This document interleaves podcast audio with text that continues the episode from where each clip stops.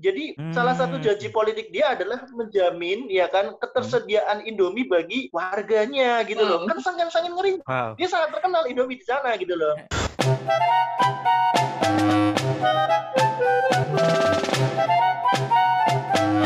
Potori Podcast History Podcast sejarah alternatif.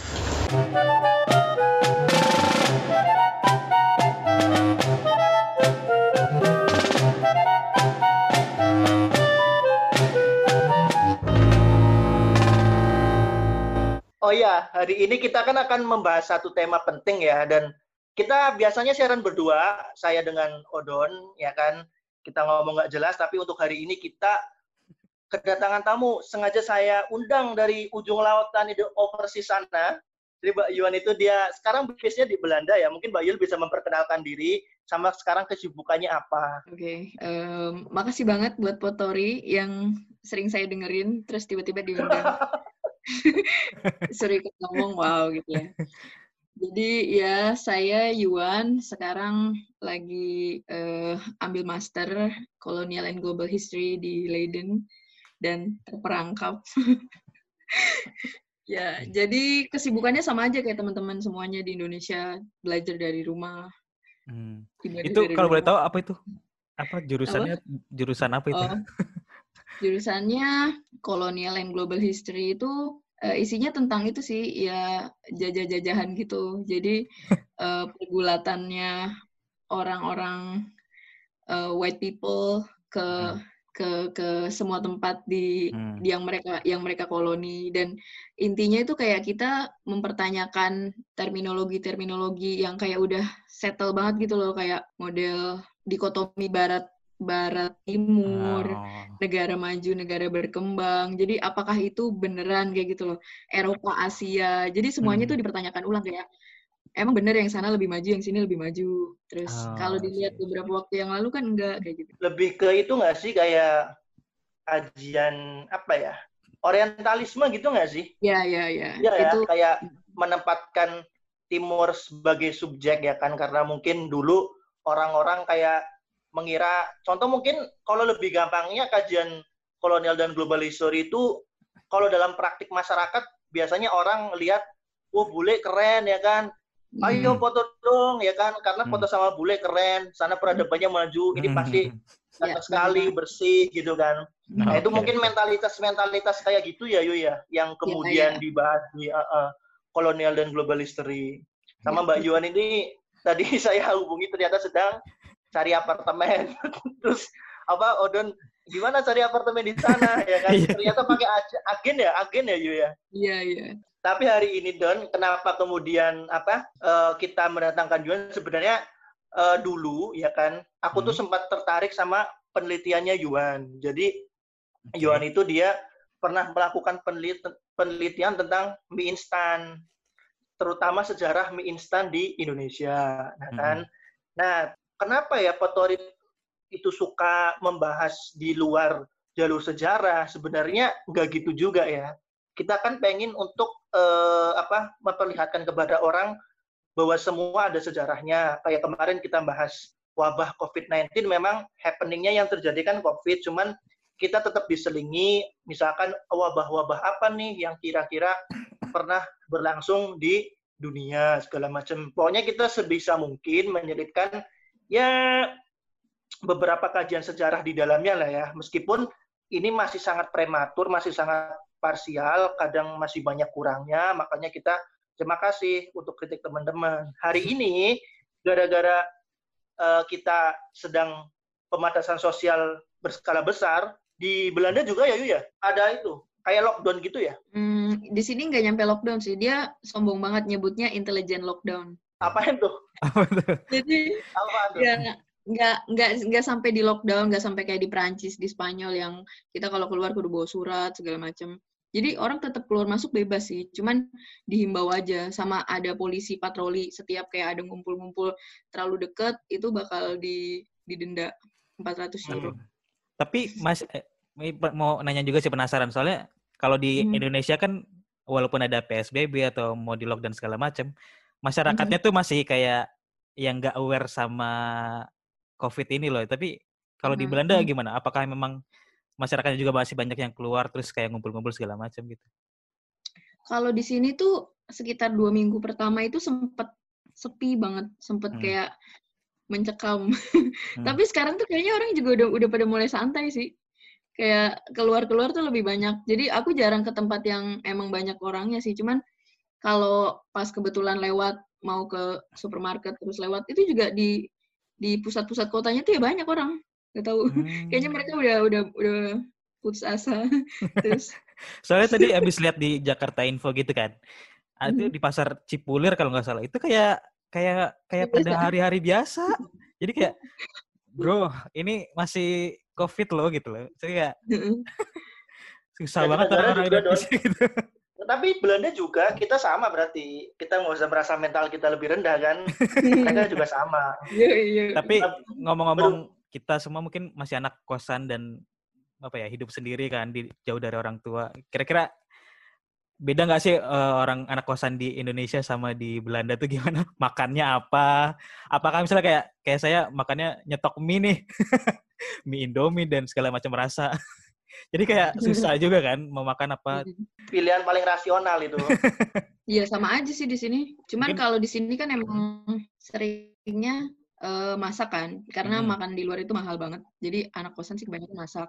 Jadi udah udah biasa sih. Maksudnya ya nggak kalau kalau di Indo kan kayak kalau masak sendiri tuh lebih lebih problem banget gitu kan. Lebih Yes, ribet lah, alat-alat yang belum tentu punya lah kayak gitu. Tapi kalau di sini udah kayak ya emang biasa masak. Entah masakannya kayak cuma pasta diaduk-aduk sama saus ya, yang penting masak lah kayak gitu. Yang penting makan. Ya, yang Tapi ngomong-ngomong hmm, ngomong-ngomong tentang mie bahwa tanpa kita sadari mie ya, terutama mie instan ya, yang sering kita lihat Indonesian Prod ya, contoh Indomie ya kan, itu kan sudah menjadi bagian penting dalam mungkin kehidupan kita ya. Dia Kehidupan sangat dekat anak gitu loh.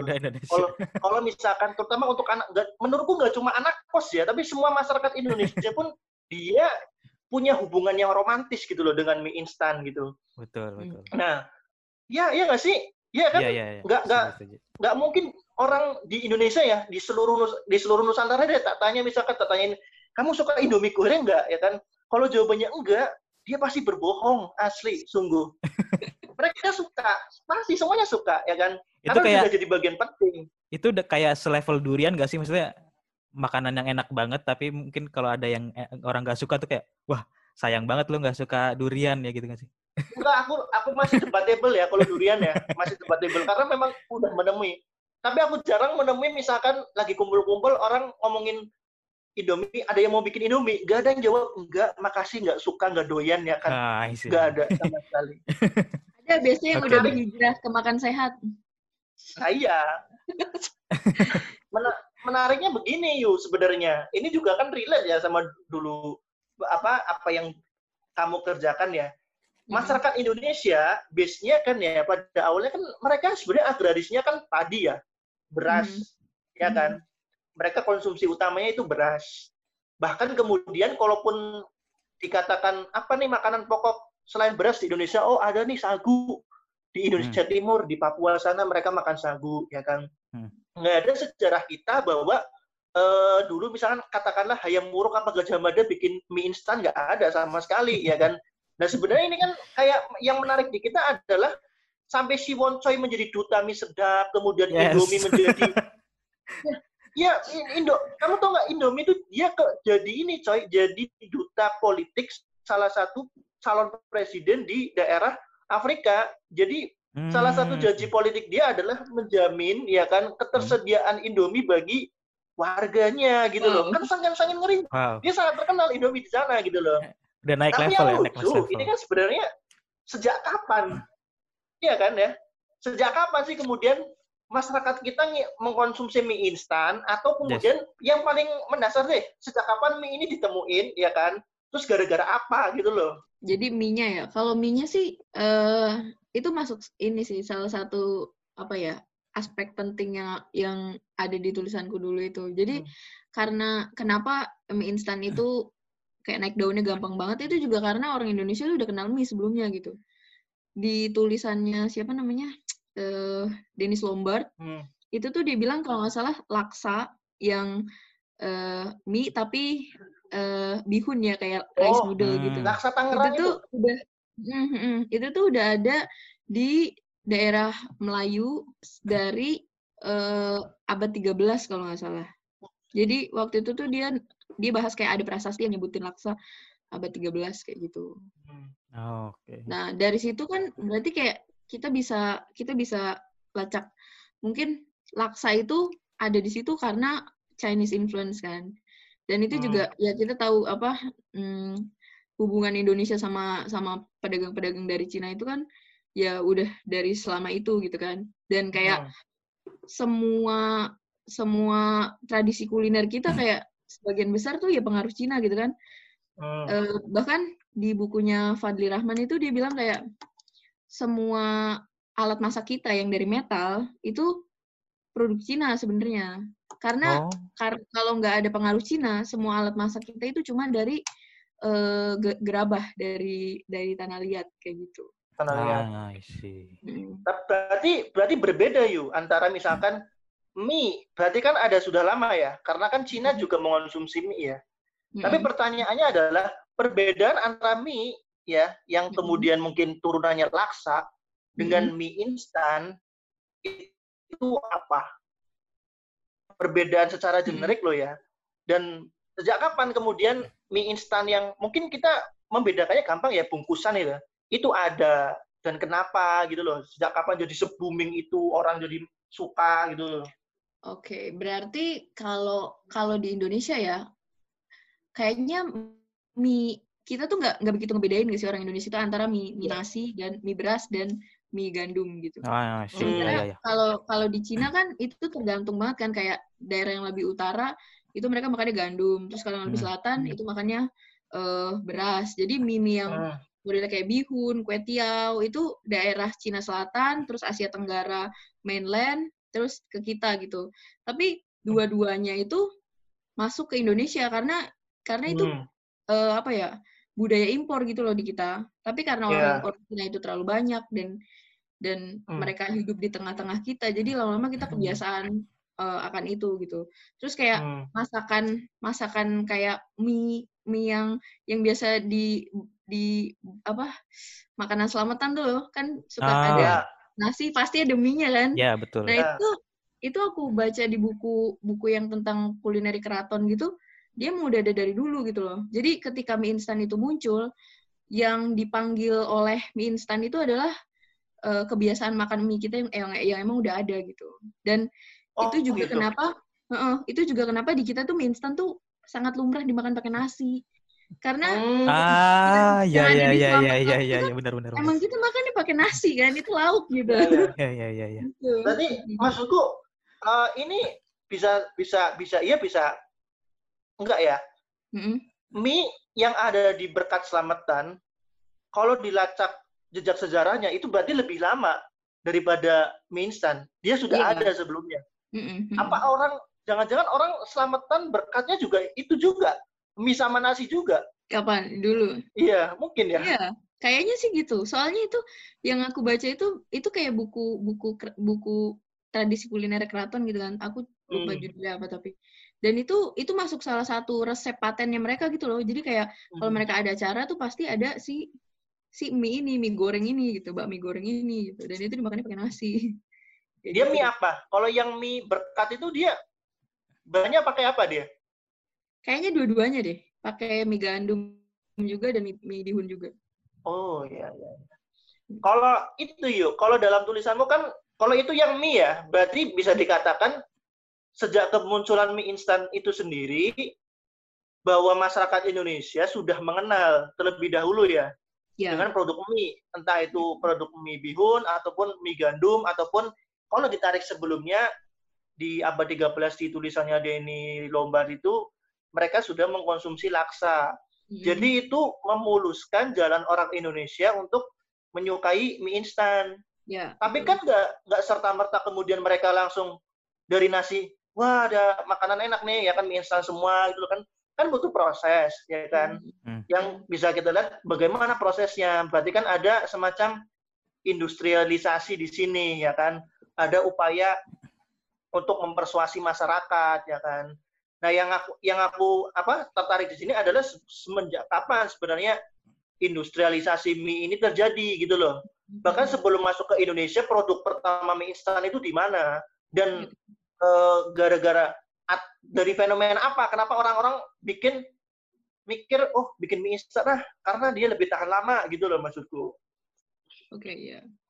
Jadi awalnya itu di Jepang dia. Hmm. eh yang yang bikin tuh namanya Momofuku Ando. Dia tuh foundernya Nissin dan itu Oh, No. eh, Nissin, mm-mm. Nissin wafer? ya Nissin. Ya, Nissin itu kan banyak kan produknya. Dan yang Hmm. paling pertama tuh dia bikin mie instan itu. Jadi eh, tahun 58 itu itu tuh eh, masih Jepang tuh masih kayak recover dari Perang Dunia II gitu loh. Oke. Jadi eh, masalah utamanya mereka itu masih kekurangan makanan. Dan waktu itu mereka dapat bantuan dari US eh, gandum, dapat tepung. Hmm. Eh, pikirnya US mereka suruh bikin roti. Tapi orang Jepang kan nggak Ah. makan roti gitu. Ya. Akhirnya si orang, si orang Jepang nggak makan roti? ya maksudnya mereka lebih milih makan nasi daripada makan roti kan. Meskipun Oh, ya. rotinya Jepang juga enak kan kalau kita makan sekarang. Tapi waktu Ya. itu ya, eh, kondisinya kayak gitu gitu. Terus si si Momofuku Ando ini akhirnya dia dia coba bikin ini si mie instan itu Hmm. dari bantuan tepungnya dari US itu. Hmm. Dan terus tadinya kan eh, yang ada kan cuma mie biasa kan dia kayak model ramen, model udon kayak gitu. Ya. Dan itu Hmm. tahan lama. Hmm. Terus eh, dia akhirnya mikir karena eh, kalau kalau mie dimasak pakai cara tradisional itu kan orang butuh waktu lama kan dan kayak di Ya. depan counter counter mie itu mereka ngantri panjang kayak gitu. Sementara Jepang waktu itu bener-bener kayak lagi kerja kerja kerja terus waktu waktu istirahatnya cuma sebentar kayak gitu. Ayo Jokowi dong kerja kerja Ya, kerja. ya. Berarti kita 100 tahun lagi. kita baru zaman kerja kerja Jepang. bener-bener. Terus, Terus terus ya jadi dia dia pengen bikin makanan yang bener-bener dua menit jadi kayak gitu loh. Terus hmm. eh, si Momofuku Ando ini backgroundnya dia udah pengusaha. Jadi sebelum Perang Dunia II dia udah pengusaha. Terus gara-gara Hmm. bom atom usahanya hancur. Tapi dia tetap kayak dia mental mental pengusaha gitu loh. Jadi masih, dia masih survive lah ya. Mm-mm, dia dia coba terus eh, bikin kayak formulasi memformulasikan mie-nya sendiri dan eh, momennya itu ketika dia nemu bahwa mie itu yang mie basah itu kalau digoreng itu dia bisa eh, bikin jadi eh, adonan mie-nya itu di dalamnya bisa ada lubang-lubangnya gitu loh Hmm. kalau digoreng Hmm. dan Ya. lubang-lubangnya itu yang kalau di dimasak pakai mie pakai air panas lagi dia lubangnya bakal ngerapet dan eh, kayak softening si mie-nya jadi dia bisa langsung siap Ah. makan kayak gitu jadi itu Oke. itu gimana pertama kali si mie instan itu ditemukan Berarti tapi kalau masalahnya aku bilang, uh-uh. Mhm. kalau mau berarti aku bilang misalkan mie instan ini bagian dari tradisi Jepang yang mereka suka apa ya menghemat waktu, mereka eh, lebih mengutamakan kerja, mirip-mirip mirip westernisasi gitu nggak sih? Orang-orang Iya. Eropa yang nggak sempat sarapan karena lebih Iya. mengutamakan kerja, makanya mereka bikin makanan-makanan instan. Iya. Mm-mm, mm-mm, mm-mm, bisa Oh. jadi kayak gitu kayaknya ya emang kayak perang dunia abis perang dunia dua tuh orang-orang jadi pada workaholic banget gak sih Hmm, ya, ya. Hmm. Kayak Sampai- kita sampai- baru sekarang bukan Sampai ke bawah sekarang kali ya. Iya mungkin ya. Mereka nggak sadar ya kan. Kayak seolah-olah kayak baru turunin bom itu, wah perang dunia habis perang dunia kerja kerja kerja kerja kerja ya kan baru nggak sadar kalau ternyata uh, udah berapa puluh tahun ya kan kita kayak gini terus. Terus, oh ya, masalah utamanya waktu pas mie instannya jadi, dua menit dia bisa jadi mie beneran, itu adalah harganya mahal. Jadi kayak Hmm. satu satu satu mie instan itu eh, harganya setara 6 porsi mie biasa. Tapi waktu itu si pas pertama kali mie instan ini ada, itu momennya pas sama pertama kali swalayan di Jepang itu dibuka. Oh. Jadi- oke. Ya, jadi kayak eh, ini tuh produk yang pas buat swalayan gitu loh. Hmm. Hmm. Oke dia sedikit sedikit lebih mahal, tapi kan kayak setelah tapi kan si swalayan itu kan beneran buat ya bukan cuma buat orang-orang orang-orang yang memang menang- menengah ke bawah banget ya, dia kan emang agak menengah ke atas gitu ya kalau swalayan ya. Hmm. Dan itu yang lebih bikin yang lebih ngebantunya lagi juga dia punya chain distribusi yang efektif gitu loh. Jadi lama-lama Hmm. harganya ini bisa decrease juga dan jadi Hmm. si perusahaannya si Momofuku Ando ini bisa jual lebih banyak, harganya juga bisa lebih turun kayak gitu. Terus sedari Momofuku Ando kenapa bisa ke Indonesia? Itu siapa yang bawa? Nah, kalau itu itu soalnya ini kan eh, dia masuk ke Indonesia tuh tahun 68 pertama kali. Ja- Oh, habis Gestapo. mm-mm. Su- cuma 10 Waduh. tahun setelah yang pertama kali setelah mie instan pertama kali ditemukan di Jepang kan. Jadi cepet banget Hmm. sih hitungannya. Dan itu gara-gara industrialisasinya udah baru. Hmm, oke. Mm-mm. Jadi zaman-zamannya tahun 70-an itu kan kayak eh, dia bener-bener buka mem- membuka diri buat investasi asing kan. Hmm. Jadi kayak waktu itu tuh bahkan si siapa menteri perindustriannya aku lupa. Jadi dia tuh bilang kayak sampai kita tuh nggak usah nanyain benefitnya buat kita apa, yang penting orang-orang tuh mau tanam duit di kita dulu kayak gitu. Hmm. Dan eh, kebijakannya tuh kayak loose banget. Mereka bisa kayak punya tiga tahun free free pajak dan lain sebagainya gitu loh. Yang Hmm. penting semuanya masuk gitu. Makanya waktu itu banyak banget perusahaan patungan. Jadi perusahaan luar sama perusahaan Indonesia gitu bikin pabrik di Hmm. sini. Termasuk si Supermi yang pertama kali bikin mie instan itu. Supermi. Oh. Ya, Supermi Supermi. yang pertama kali bikin di Indonesia. Tapi dia milik Indonesia atau dia juga perusahaan patungan Patungan se- separuh-separuh antara Indonesia dengan dengan perusahaan Jepang. oke. Mm-mm. Oh, super. Tapi berarti sekarang kepemilikan Supermi masih patungan juga atau gimana tuh? Enggak, enggak. Itu udah udah berubah banyak itu sejak saat Udah itu. berapa banyak? Mm-mm. Setelah Supermi? Setelah Supermi itu tahun 70 ada Indomie. Oh berarti Indomie ikutnya telat ya berarti ya? Iya, iya. Kalau kita bicara lel- leluhur mie instan, berarti kita harus nyembah Supermi sebenarnya. Iya, benar, benar. Iya kan? Mhm. Iya, Terus? iya. Terus habis itu baru Sarimi tahun 80-an, 8 82 kalau nggak salah. Wah masih bocah berarti Sarimi itu. Mhm. Dari. Tapi yang kemudian jadi bosnya adalah Sarimi. Oh iya. Hmm. Iya, yang sekarang jadi Indofood itu Sarimi. Oh oh berarti ini Indomie yang kita kenal dulu itu diakuisisi Sarimi. Mhm, mhm. Oh berarti Indomie Indomie yang sekarang sebenarnya juga bagian dari Sarimi juga ya? Iya, iya. Kayak gitu. Mereka berarti bersaudara gitu, seolah-olah bertempur gitu ya? Oh iya iya. Sarimi Indofood ya? Iya, Sarimi. Sekarang Sarimi, Supermi, semuanya Indofood. Oh Indo. Berarti kemudian diakuisisi semua. Itu se- sejak Iya. kapan proses itu? Nah, itu yang bikin mie instan di Indonesia itu apa ya? Langsung punya impact gede gitu loh. Karena Hmm. waktu tadinya mereka sendiri-sendiri, perusahaan kecil sendiri-sendiri, itu Hmm. mereka saingan kan. Dan jatuhnya jadi kayak eh, mereka punya pasar sendiri-sendiri. Kayak Indomie itu Hmm. Indomie itu cenderung nargetin konsumen kota yang menengah ke atas gitu. Jadi dia kalau pasang iklan tuh kayak modelnya necis-necis. Terus dia suka Hmm. pamer penghargaan di- luar negeri kayak Hmm. gitu-gitu. Nah kalau Sarimi dia itu iklannya tuh aku lihat di Kompas itu nggak pernah nggak pernah memadai. Jadi kayak cuma cuma garis segaris segini doang. Terus modelnya juga pakai kaos gambar Sarimi kayak gitu kan sekeluarga. Hmm. Iya, jadi sangat humble kalau Sarimi. oh, orang orang kaya yang rendah hati berarti ya Sarimi ya. Iya, iya benar benar. Indomie apa? Eh si Supermi iklannya apa? Petani Tahu. gitu-gitu. Nah, Supermi, Supermi itu lebih canggih lagi karena dia pertama kan. Mm-mm. Jadi Hmm. aku tuh nemu, aku ngubung-ngubung Kompas itu nemu iklan mie instan pertama kali itu Indomie tahun 82. Mm-mm. Sementara Supermi itu udah pasang iklan di TV dari tahun 73. Swear. Wow. Wow, Keren. Menarik. Dan bintangnya itu si siapa namanya? Iramaya Sofa tuh loh. Irama oh ya cukup terkenal juga dulu dia ya. Waktu masih masih muda zaman-zaman segitu. Mm-mm. Wah, anjir, gila juga ya. Berarti setelah itu kayak membentuk benar-benar image masyarakat ya kan bahwa ini loh. Tapi maksud gua ini image image apa sih yang pengen pengen produk mie instan itu tampilkan ke masyarakat agar masyarakat tuh dari padi ya kan. Padi masih makanan pokok ya. Minimal Mm-mm. punya kegemaran juga makan mie gitu loh. Maksudnya apa sih kayak misalkan Indomie kan, ayo makan mie biar kamu kaya kayak kita bisa pakai jas gitu gitu gitu kan. Tapi setelah digabungkan itu saya apa sih apa yang ditawarkan kepada masyarakat biar orang tuh mau makan gitu loh.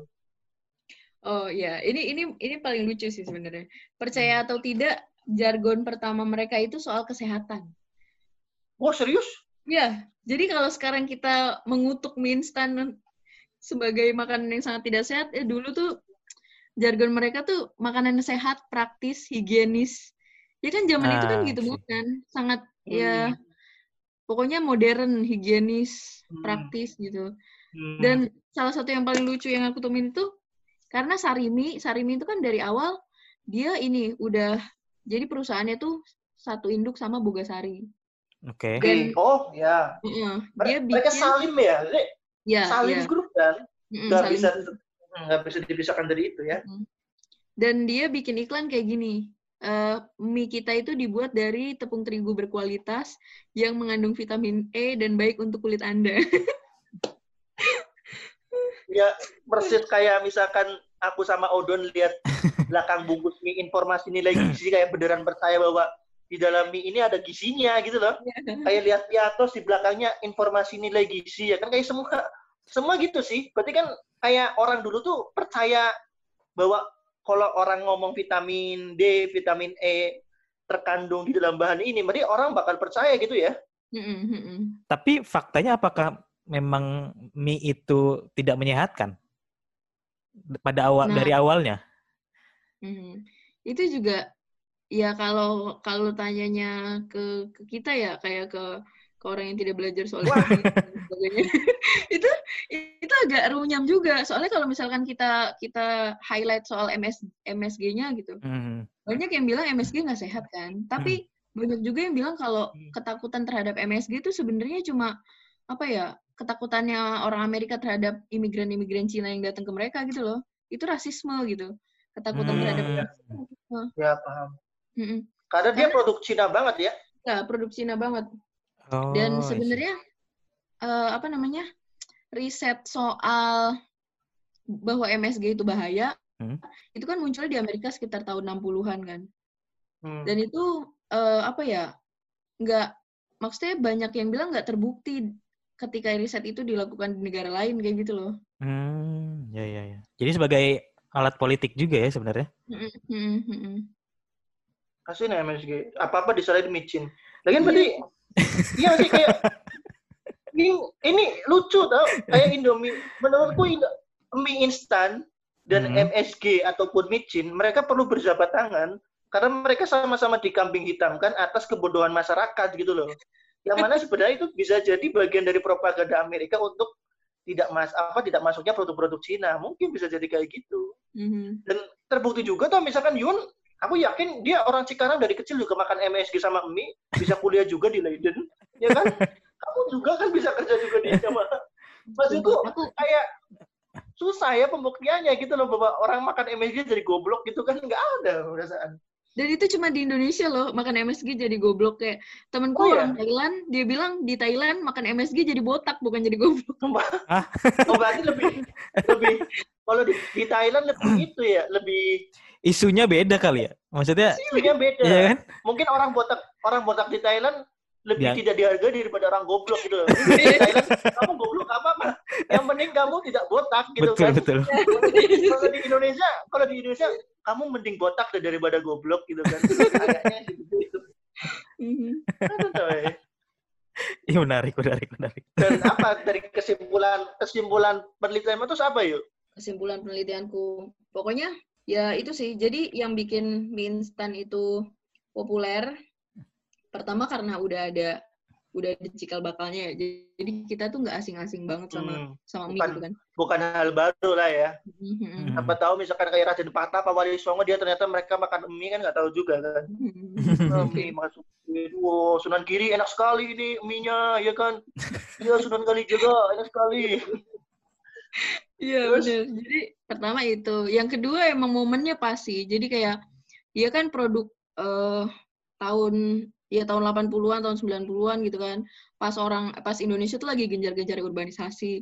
Ya. Pas Jakarta tuh terisi penuh gitu loh. Terus kayak suburbnya Jakarta juga eh, keisi penuh gitu. Jadi kayak yang memainkan apa peran penting buat mengangkat popularitas mie instan kan juga koran dan televisi gitu kan. Terus ya. yang hmm. baca koran, yang nonton TV kan juga orang-orang yang urban itu gitu. Yang Hmm. mereka dapat gaji bulanan, terus ketika mereka Hmm. terima gaji, mereka belanja ke supermarket kayak gitu. Dan mereka Iya. sangat sangat value waktu. Mereka juga Hmm. nggak nggak keberatan bayar bayar sedikit lebih mahal untuk apa ya? Untuk makanan yang cepat saji gitu. ya untuk merayakan modernitas gitu loh.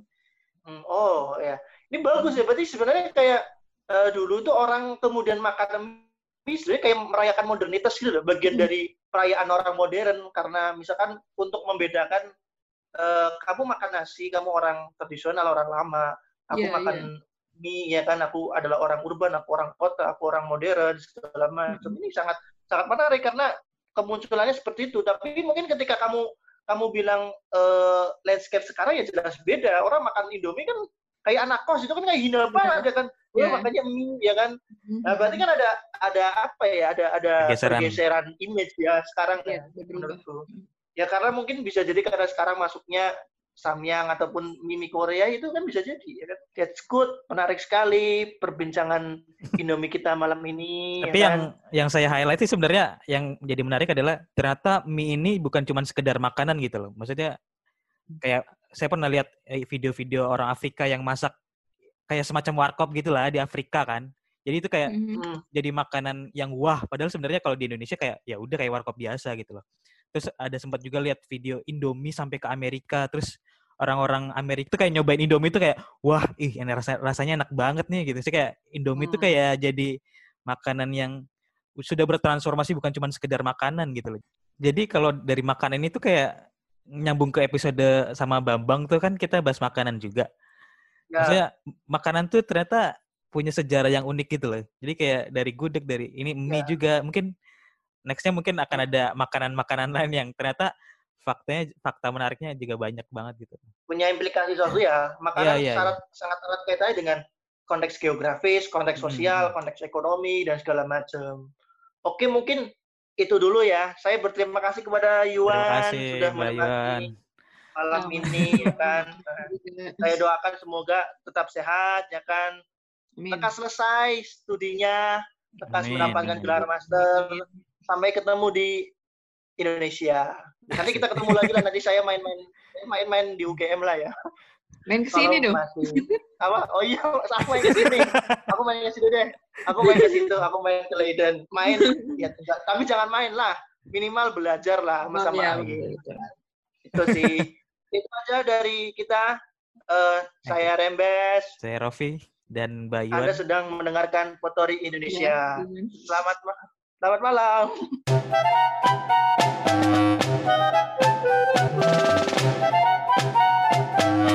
Potori, podcast history, podcast sejarah alternatif.